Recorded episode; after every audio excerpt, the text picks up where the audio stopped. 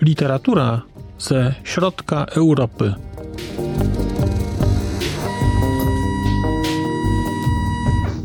Podcast około książkowy.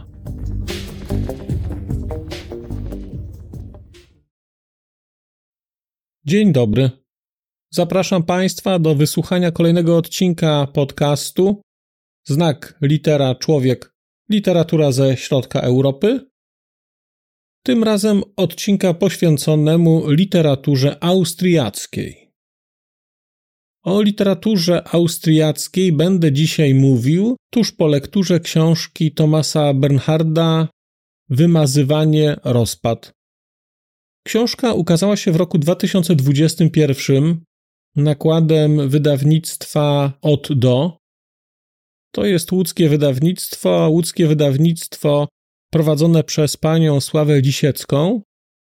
I także pani Sława Lisiecka przełożyła tę książkę. I trzeba się cieszyć, że ta książka została przełożona, i trzeba się cieszyć, że ta książka się w Polsce ukazała. Zanim przejdę dalej, to powiem może, że ta książka chyba trafia do mnie na listę arcydzieł. I z pewnością mogę powiedzieć, że jest z książek, które czytałem w roku 2023, najlepszą, a z pewnością książką w pierwszej trójce naj, naj, naj, naj książek, które w tym roku czytałem i jednocześnie chyba też kandydatką do książki roku 2023, bo no bo no bo właśnie, no bo właśnie.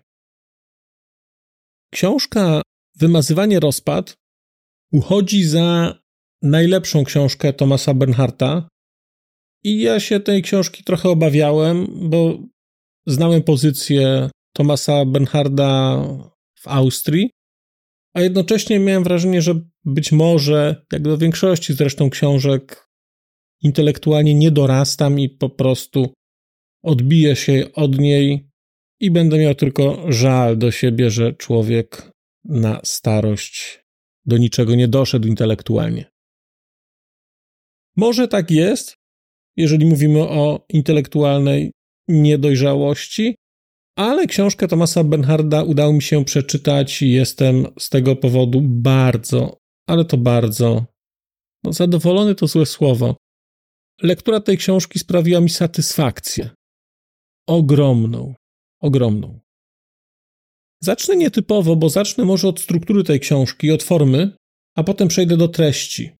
Wymazywanie rozpad to jest książka duża, to jest 600 stron tekstu, tekstu gęstego na poziomie zarówno metaforycznym, jak i na poziomie czysto fizycznym, o czym powiem za chwilę.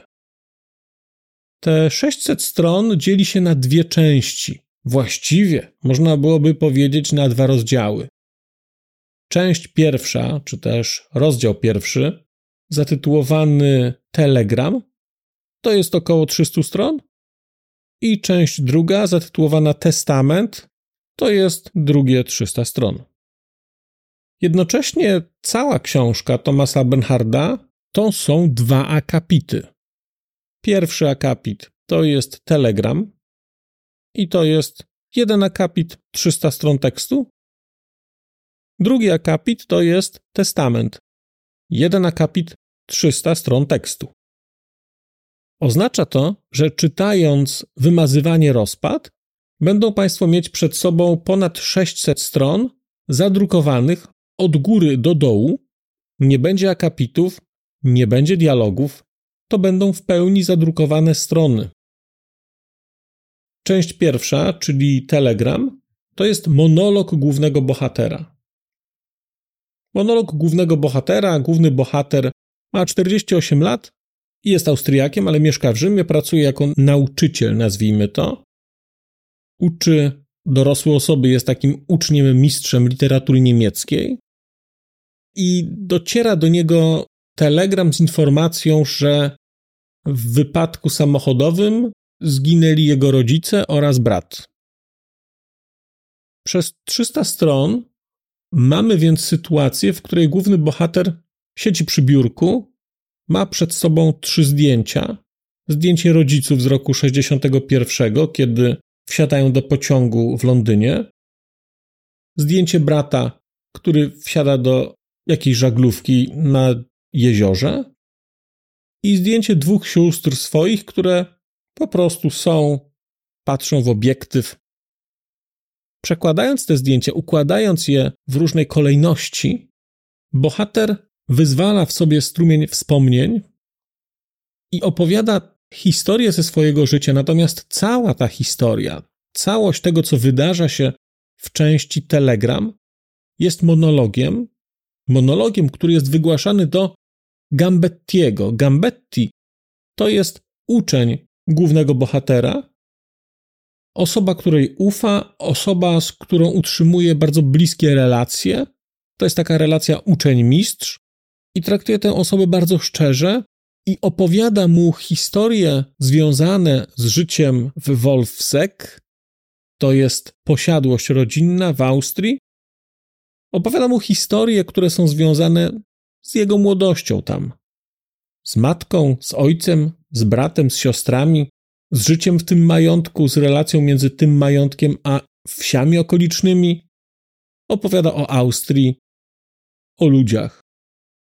Jest to monolog, ale tak naprawdę ten monolog jest czymś więcej niż zwykłym monologiem, bo ten monolog to jest 300-stronicowa, szalenie błyskotliwa, głęboka filipika, filipika skierowana przeciwko Austrii, społeczeństwu austriackiemu, austriackiemu sposobowi życia, relacjom rodzinnym. To jest filipika skierowana przeciwko wszystkim, literalnie wszystkim, przeciwko całemu światu.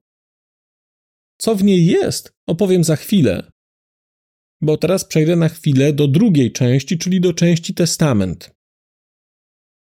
O ile telegram wydarzył się na przestrzeni kilku godzin, kiedy bohater przygotowuje się do wyjazdu, o tyle testament także wydarza się na przestrzeni kilku godzin, ale bezpośrednio po dotarciu głównego bohatera do Wolfsek. On tam dociera i właściwie jesteśmy świadkami jednej doby, którą tam spędza, przygotowań do pogrzebu, które są już na ukończeniu, bo te przygotowania są koordynowane przez mieszkające tam siostry. Mamy przygotowania, mamy opis i mamy na końcu wykonanie testamentu czy decyzję o tym, co stanie się z tym majątkiem. To jest coś, co właściwie domyka tę książkę. W drugiej części też mamy formę pierwszoosobową, znaczy on opowiada o tym, co czuje, Natomiast tu formalnie chociaż wydarza się jakaś akcja, ale ta akcja jest, umówmy się, tylko tłem do tego, żeby opowiadać dalej to, w co się wierzy, żeby przedstawiać swoją wizję świata, krytykę stosunków panujących w rodzinie. Mamy więc sytuację, w której bohater staje przy bramie, to skłania go do jakichś refleksji. Wchodzi do westybulu, to skłania go do jakichś refleksji. Jest w kuchni, to skłania go do jakichś refleksji. Właściwie nie ma tam żadnej akcji. Ta akcja jest poboczna całkowicie. To są rozmowy, które pozwalają nam nieco lepiej poznać tych bohaterów, których znamy już bardzo, bardzo dobrze z pierwszej części. Tutaj oni pojawiają się ponownie już jako żywe osoby, jako konkretne osoby, wchodzą z nim w jakąś interakcję. Na koniec tej części także pojawia się ponownie postać Gambettiego, do którego główny bohater w końcu też się zwraca, czyli pojawia się też forma jakiegoś powrotu do tego Gambettiego, jakiegoś kolejnej rozmowy. Ta rozmowa odbywa się we wnętrzu głowy, to jest po prostu mówienie, mówienie do siebie. Powiedziałem, że ta książka jest Filipiką i rzeczywiście jest. I kiedy mówiłem o tym, jak ta książka dla mnie będzie ważna i co mnie w niej ujęło, to ujęty byłem tym, co ta książka mówi oraz jak ta książka mówi. Wymazywanie to nie jest lektura łatwa. Wymazywanie to nie jest lektura, która wpuszcza czytelnika od razu i zachęca do szybkiego czytania. Mi się tę książkę wolno zaczynało czytać. szło mi to opornie. Szło mi to opornie, dlatego że całość tych wywodów to są rozbudowane, zapętlone opowieści, to są dygresje, dygresje do dygresji. Nieco, nieco przypominało mi to sposób narracji Javiera Mariasa, ale tylko nieco, bo u Mariasa te rzeczy płyną i odpływają w kierunku innych tematów. Właściwie słowo jest tylko punktem wyjścia do tego, żeby gdzieś popłynąć. A tutaj mamy wrażenie, że cały czas krążymy, że jesteśmy w akwarium, jesteśmy w zamkniętym basenie, w czymś, co nas ogranicza, i cały czas poruszamy się w tym zbiorniku, ale cały czas poruszamy się jakąś inną trasą. Cały czas przebywamy inną drogę, cały czas mamy inne wnioski, mimo że one wszystkie są praktycznie takie same. To jest książka, która jest jednym wielkim, przepraszam za kolokwializm, ale lepiej tego nie można ująć, jednym wielkim disem rzeczywistości.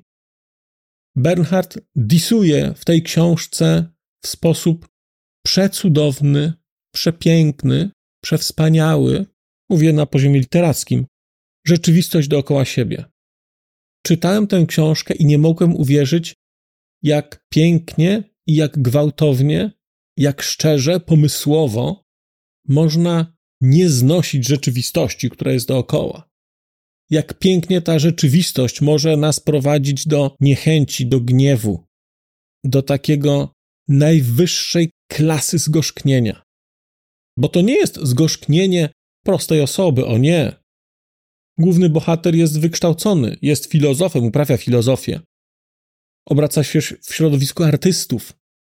Jednocześnie przez to, że obraca się w tym środowisku artystów i środowisku wolnomyślicieli, jest całkowicie odcięty od rodziny. Właściwie dwie pozytywne osoby z rodziny, które się tutaj pojawiają, to jest wuj, brat ojca i dziadek ze strony ojca.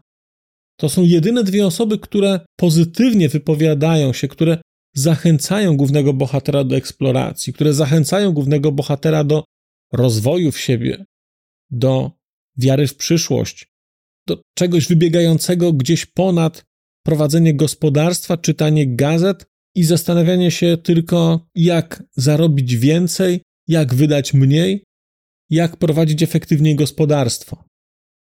Ta relacja między głównym bohaterem a jego rodziną, w szczególności między matką i ojcem, i w szczególności między bohaterem a jego wujem, bardzo przypomina mi relację, którą być może znacie Państwo z serialu The Crown między młodym Karolem a rodzicami i między młodym Karolem a wujem, byłym królem Anglii. To jest ta sama relacja. To jest relacja człowieka, który chce wyjść ponad pewien konwenans, który chce wyjść ponad pewną oczywistość życia i jest traktowany jako osoba niegodna, niegodna zaufania, osoba, która żyje fanaberiami i jednocześnie ma jedną postać, postać wuja, która tak naprawdę o niego dba, która skłania go do jakiegoś rozwoju, która skłania go do tego, żeby, żeby być w pełni człowiekiem. Jest więc tutaj ten wuj, o którym jako jedynym właściwie słyszymy pozytywne słowa. Natomiast całość książki, całość książki to jest 600 stron połajanek. No, połajanka to jest niewłaściwe słowo. To jest 600 stron krytycznego mówienia o rodzinie, o swoim kraju. To jest książka, która dała mi wielką nadzieję, bo przyznam, że spośród krajów europejskich wydaje mi się, że właśnie Austria ze swoją całkowicie nierozliczoną przeszłością, całkowicie jest dla mnie synonimem pewnego rodzaju fałszu. To jest kraj, który gorliwie służąc Hitlerowi, nie zrobił nic, absolutnie nic, żeby rozliczyć się z przeszłości. To jest kraj, który spetryfikował całkowicie chore stosunki społeczne. I to jest jednocześnie kraj, który właściwie uważa się za ofiarę. I tutaj to jest bardzo gorzko pokazane. Ale jednocześnie, kiedy mówię, że ta książka jest dla mnie nadzieją, to jest dla mnie nadzieją, bo pokazuje, że są ludzie, którzy to widzą, że są ludzie, którzy to mówią i że być może opóźniony, ale opóźniony, gdzieś ten proces tej zmiany, ten proces wychodzenia na pewnego rodzaju uczciwe pozycje, ta prawda, która zaboli, bo musi zaboleć, że może to gdzieś kiedyś nastąpi. Tutaj bohater nie ma specjalnej nadziei. W drugiej części okazuje się, że na ten pogrzeb rodziców przyjeżdżają byli geolajterzy. Przyjeżdżają byli geolajterzy, którzy, których rodzice bezpośrednio po wojnie ukryli w swoim majątku. Bohater wie tylko, że przez kilka lat nie mogli się zbliżać do takiego małego domku na terenie tej posiadłości, takiego domku dziecięcego. Później okazuje się, że tam siedziało dwóch zbrodniarzy wojennych, którzy byli ukrywani przez rodziców, którzy byli karmieni przez rodziców. W Austrii panował głód, ale ci geolajterzy mieli tam wygodne życie. Na tym pogrzebie pojawiają się różni ziomkowie z przeszłości, głównie naziści. I to wszystko prowadzi bohatera do bardzo kluczowej decyzji, co stanie się z tym majątkiem. Decyzji, o której nie będę Państwu teraz mówił, bo to jest książka, która literalnie, literalnie kończy się ostatnimi zdaniami. To jest ostatni akord. To jest coś niesamowitego, jak to zostało skomponowane. Nie dziwię się, nie dziwię się, że w Austrii Tomasa Bernharda no, traktuje się, traktowało się, bo niestety nie żyje, z dystansem powiedzmy, że Austriacy uważali, że on wyciąga trupy. Nie zgodzę się z tym. Te trupy tam po prostu wszędzie leżą żeby oddać Państwu nieco klimat tego, o czym jest ta książka, jak jest napisana. Pozwólcie, że przeczytam Państwu pierwszy fragment, który jest fragmentem mówiącym co nieco o Austrii i o tym, czym jest austriackie wychowanie, czym jest austriackość. Na stronie 284 Thomas Bernhard pisze tak. Na domiar złego, powiedziałem kiedyś do Gambettiego, nastał wtedy narodowy socjalizm, na który moja rodzina okazała się niezwykle podatna. Narodowy socjalizm odpowiadał im w najdrobniejszych szczegółach, by tak rzec. Odkryli w nim samych siebie. Obok wielkiego, po większej części teraz tylko kochanego Pana Boga, naraz zyskali wielkiego Firera ale chociaż wtedy, by tak rzec, wkraczałem w lata myślenia, narodowy socjalizm należał już od dawna do przeszłości, to jednak odczułem jeszcze na sobie jego niezwykle szkodliwe skutki. Albowiem narodowy socjalizm moich rodziców nie skończył się wraz z końcem epoki narodowego socjalizmu. On był im wrodzony. To też po zakończeniu epoki narodowego socjalizmu pielęgnowali go w sobie nadal. Był on w istocie, podobnie jak katolicyzm, wyłączną treścią ich życia, która była im niezbędna i bez której nie mogli istnieć. To też, chociaż epoka narodowo-socjalistyczna dawno się skończyła, byłem nadal wychowywany w duchu narodowo-socjalistycznym, a równocześnie katolickim, czyli austriacką metodą władzy mieszanej, która w przypadku dorastającego człowieka pociąga za sobą straszne, odrażające konsekwencje. Jednakże pierwiastek katolicko-narodowo-socjalistyczny i katolicko-narodowo-socjalistyczne metody wychowawcze są w Austrii czymś normalnym, zwyczajnym, najbardziej rozpowszechnionym. Nieprzerwanie więc wywierają na cały ten koniec końców narodowo-socjalistyczno-katolicki kraj zgubne i straszne skutki. Narodowo-socjalistyczno-katolickie metody wychowawcze panują w Austrii bez najmniejszych ograniczeń. A kto twierdzi co innego, jest kłamcą i zarazem ignorantem. Obowiązujące w tym kraju prawa z ich zgubnym i unicestwiającym mechanizmem działania są też wyłącznie narodowo-socjalistyczno-katolickie. Oto prawda o Austrii. Tak zwany człowiek austriacki jest z natury na wskroś narodowo-socjalistyczno-katolicki, choćby się przed tym nie wiem jak bronił. Katolicyzm i narodowy socjalizm zawsze są w tym narodzie i w tym kraju równoważone, to też raz kraj był bardziej narodowo-socjalistyczny, kiedy indziej znów bardziej katolicki, ale nigdy tylko taki albo taki, jedno z dwóch. Umysł austriacki myśli zawsze i wyłącznie w sposób narodowo-socjalistyczny i katolicki. Także austriaccy myśliciele zawsze tylko myśleli tymi swoimi odrażającymi narodowo-socjalistyczno-katolickimi umysłami.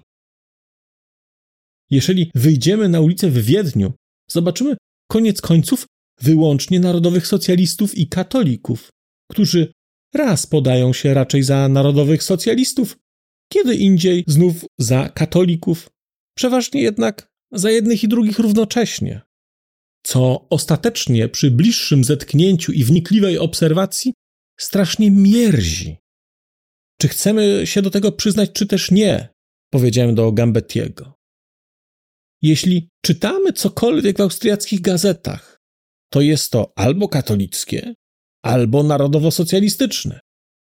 Jest to, musimy tak powiedzieć, austriackie, powiedziałem do Gambettiego. Jeśli przez pewien czas rozmawiamy z jakimś Austriakiem, już po chwili mamy wrażenie, że rozmawiamy z katolikiem, a nie z wolnym i niezależnym człowiekiem Gambetti. Albo też mamy wrażenie, że rozmawiamy z narodowym socjalistą. Wreszcie, że rozmawiamy z kimś, kto jest na wskroś katolikiem i narodowym socjalistą i kto nader szybko budzi w nas odrazę. Ten duch katolicko-narodowo-socjalistyczny, skoro w tym kontekście, bo nie mogę inaczej, jestem zmuszony sprofanować słowo duch, powiedziałem do Gambettiego. Panował ten duch w Austrii zawsze i zawsze będzie tu panował. Mój brat Johannes jest z tego samego ducha, podobnie zresztą jak siostry. One jednak naturalnie w najgłupszy sposób, w odróżnieniu od mojego brata Johannesa, który podobnie jak ojciec, w mniejszym lub większym stopniu przez całe życie pielęgnował w sobie ducha katolickiego, narodowego socjalizmu, który to duch wszakże, jak już wiele razy powtarzałem, jest austriackim upiorem. Ja sam nie uległem temu duchowi Gambetti, aczkolwiek ja również przez całe życie będę musiał prowadzić walkę, ponieważ ten duch jest mi wrodzony, a człowiek albo się w ogóle nigdy nie wyzbywa wrodzonych duchów, albo tylko podejmuje rozpaczliwe próby, zapewne jednak nigdy ostateczne, Gambetti. A mimo to moje życie jest dozgonnym uwalnianiem się od tego austriackiego upiora, powiedziałem do Gambettiego. No i tak dalej, i tak dalej. To jest fragment o narodowym socjalizmie akurat. Ale znajdą tutaj też Państwo fragmenty o języku niemieckim, o pisarstwie niemieckim, o Goethem. Fragmenty o Goethem to jest w ogóle arcydzieło, arcydzieło szydzenia, takiego najgłębszego, przepięknego, złośliwego szydzenia. Jest to coś poruszającego, coś pięknego, coś pięknego w swoim gniewie, coś pięknego w swojej chęci zakwestionowania wszystkiego. Przyznam, że nie spotkałem się jeszcze z taką literaturą, a ta książka zabrała mnie w podróż, której się nie spodziewałem. Nie spodziewałem się, że to będzie coś, co zabierze mnie do miejsca, w którym chciałbym być. Nie to, że chciałbym być w Austrii, bo akurat to jest jeden z niewielu krajów, gdzie nie chciałbym być, ale chciałbym władać językiem, chciałbym władać sposobem postrzegania świata w taki sposób jak Thomas Bernhard. To jest coś pięknego. Sposób opisania tego, sposób przedstawienia, absolutna, absolutna rewelacja. Powstaje pytanie, co oznacza tytuł Wymazywanie rozpad. Bardzo wyraźnie i jasno w tej książce jest to zaznaczone, bo Bernhard, a właściwie główny bohater, mówi, że musi rozliczyć się ze swoją przeszłością. I w jaki sposób to zrobi? Proszę posłuchać. Bez przerwy jednak towarzyszyła mi świadomość, w ostatnim czasie nawet coraz większa, że muszę tę relację napisać, że nie mogę wzbraniać się przed napisaniem takiej relacji o Wolfsek, bez względu na to, co mam przeciwko niemu. Pewnego dnia będę musiał to zrobić. Tego żąda ode mnie mój umysł. Mój umysł zaś stał się umysłem nieprzejednanym przede wszystkim wobec samego siebie. Najbardziej nieubłaganym, powiedziałem do Gambettiego. Ale wie pan, powiedziałem do Gambettiego, zostało mi już bardzo niewiele czasu. Jeśli niebawem nie zacznę pisać tej relacji, może być za późno. Nie wiem, ale czuję to, powiedziałem do Gambettiego, że nie mam już wiele czasu. A taka relacja wymaga jednak, żeby ktoś, kto ją pisze, zajmował się nią latami, może nawet nie przez kilka lat, ale i dłużej, powiedziałem do Gambettiego. Nie wystarczy jej naszkicować, powiedziałem do Gambettiego.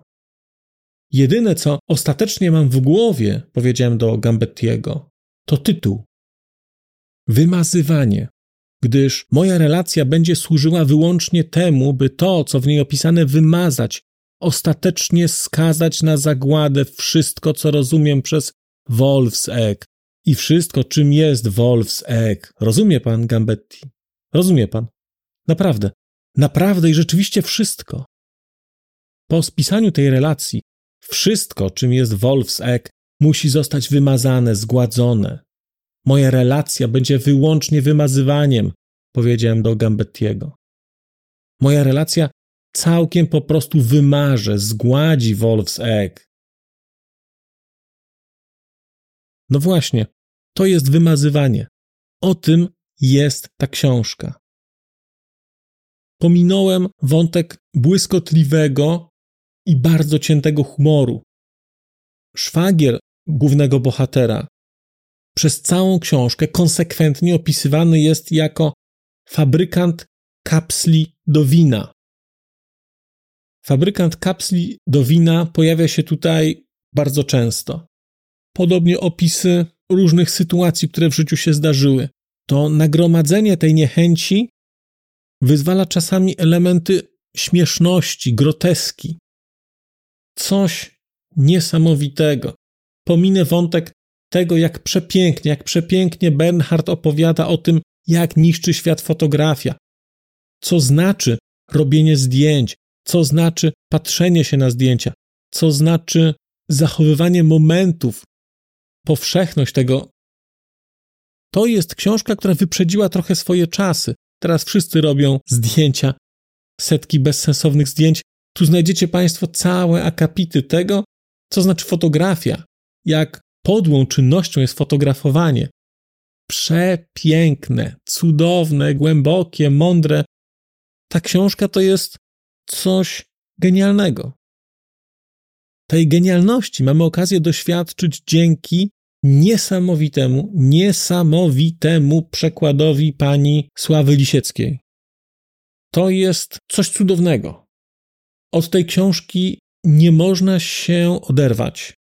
I z jednej strony nie można się oderwać, dlatego że Bernhard to tak napisał, ale z drugiej strony pani Sława tę książkę przetłumaczyła w sposób absolutnie brawurowy. Język niemiecki jest językiem o zupełnie innym rytmie. Tutaj mamy rytm. To wszystko jest takie poskładane, takie błyskotliwe. To jest wszystko długie, ciągnące się. Ogromny szacunek też dla redaktorów. Ilość przecinków, jaka jest w tej książce, bo to są zdania wielokrotnie złożone, jest ogromna, a jednocześnie nie miałem wrażenia, żebym się w tej książce gubił. Ja czasami czytając na przykład Mariasa, miałem wrażenie, że już gubiłem się, co było punktem wyjścia w tych wielopoziomowych, cudownych zdaniach, zapętlonych, skonstruowanych, tych dygresjach w dygresjach. Tutaj tego nie ma do tego stopnia, ale nadal jest tak, że te myśli to są myśli, które się ciągną. To jest rodzaj momentami jakiegoś zrzutu świadomości, takiego typowego powtarzania w myślach. Czy jest to strumień świadomości? Wydaje mi się, że nie. Natomiast są tam jakieś elementy tego. I jest to przetłumaczone przepięknie. Złośliwie. Nie mam słów. Nie mam słów i w ogóle nie wyobrażam sobie, jak było tłumaczyć taką książkę, jak tłumaczyć i utrzymać spójność, taką spójność również, spójność w złośliwości, w stylistyce, w operowaniu językiem, w nacechowaniu stylistycznym. Chwała za to, chwała za to. To jest przegenialnie napisane i to jest przegenialnie przełożone. Patrzę na zegarek. To jest straszne, co tu zrobiłem, no ale mam nadzieję, że mimo wszystko część z Państwa zdecyduje się po tę książkę sięgnąć, bo mam wrażenie, że bardzo warto. Ja mam wrażenie, że podobną książkę napisze ktoś kiedyś, być może o Polsce, bo wydaje mi się, że my też mamy swoje rzeczy, o których moglibyśmy napisać w ten sposób. Może nie tyle co Austriacy, ale na pewno mamy. A przykład, jak pisać literaturę rozliczeniową jak naprawdę krytycznie patrzeć na swój kraj, Thomas Bernhard dał tutaj w sposób wyborny. To jest złoto. To jest cudowna rzecz. Jedyna moja wątpliwość, jedyny mój żal jest taki, że z tego co czytam, mam wrażenie, że przeczytałem najlepszą książkę Thomasa Benharda, ale jednocześnie mam wrażenie, że przeczytałem jedną z najważniejszych książek również w moim życiu dotychczasowym. I bardzo się cieszę, że w ramach serii Austria Laboratorium Krytyczne, bo to jest taka seria, tę książkę przeczytałem. Jest to dla mnie zachęta do tego, żeby sięgać dalej po książki z tejże serii. I szalenie się cieszę, szalenie się cieszę, że miałem okazję porozmawiać z Gosią Graliską, która mnie przekonała do tego, żebym sięgnął po tę literaturę niemieckojęzyczną, bo jakbym miał przeczytać tylko jedną książkę, to chociażby to, że przeczytałem to, to już jest w ogóle dług do końca życia. Intelektualny oczywiście, żeby nie było, że coś tam. Thomas Benhart, Wymazywanie rozpad. Polecam tak, że nie da się bardziej polecać. Jednocześnie zapytuję, kto z Państwa tę książkę czytał. Kto z Państwa tę książkę przeczytał, bo zdaję sobie sprawę, że dla części czytelników ona może być nadmiernie nużąca. Ileż można wylewać żale, gorzkie tak, że chinina jest chyba słodyczą, w stosunku do swojego kraju, w stosunku do swojego języka, w stosunku do swojej rodziny, w stosunku do wszystkiego, co święte pewnie w tejże Austrii. No jak dla mnie można 600 stron, można byłoby i więcej. Ale bardzo będę ciekaw Państwa opinii na temat pisarstwa Tomasa Bernharda oraz w szczególności na temat książki Wymazywanie rozpad. Ja tę książkę będę, będę bardzo polecał, będę do niej wracał, bo uważam, że jest to rzecz wybitna. By nie powiedzieć arcydzieło. Ale teraz naprawdę już kończę. Bardzo dziękuję Państwu za dzisiejsze spotkanie. Powrócę do Państwa wkrótce. Będę z pewnością mówił krócej. Proszę śmiało słuchać. A dzisiaj żegnam się. Przez mikrofon mówił do Państwa Marcin Piotrowski. Do usłyszenia.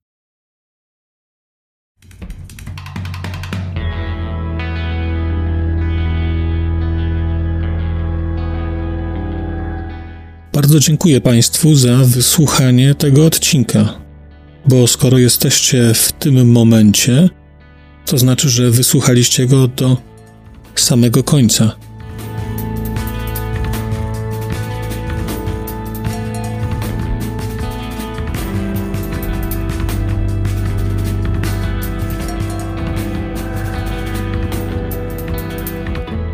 Słuchaczy platform podcastowych chciałem zaprosić na kanał na YouTubie, gdzie znajdziecie Państwo te same treści, ale dzięki modułowi komentarzy będziecie mogli wejść w interakcję z innymi słuchaczami tego podcastu i dzielić się swoimi spostrzeżeniami dotyczącymi książek, ale nie tylko.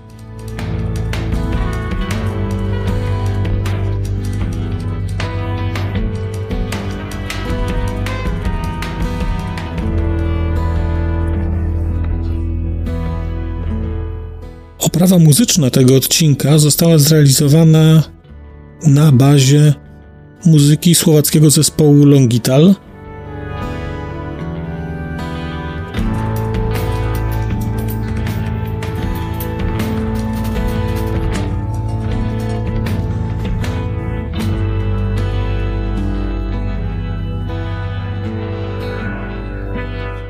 Longital to wspaniała słowacka grupa, której muzyka jest dla mnie kwintesencją nowoczesnego brzmienia Europy Środkowej. Bardzo Państwa zachęcam do posłuchania tego zespołu i chciałem podziękować Shinie i Danielowi, że zgodzili się na wykorzystanie ich muzyki w moim podcaście.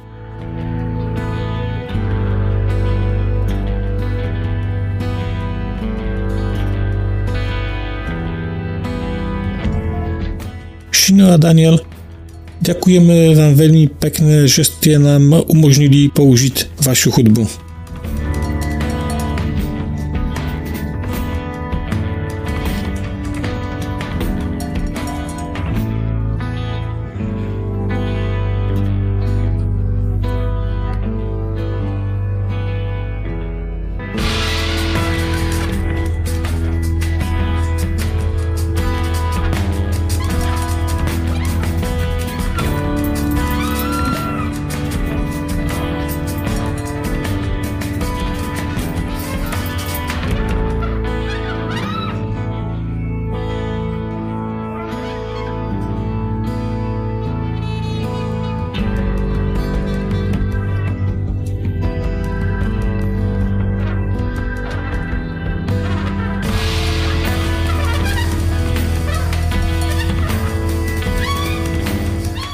No i to jest naprawdę wszystko.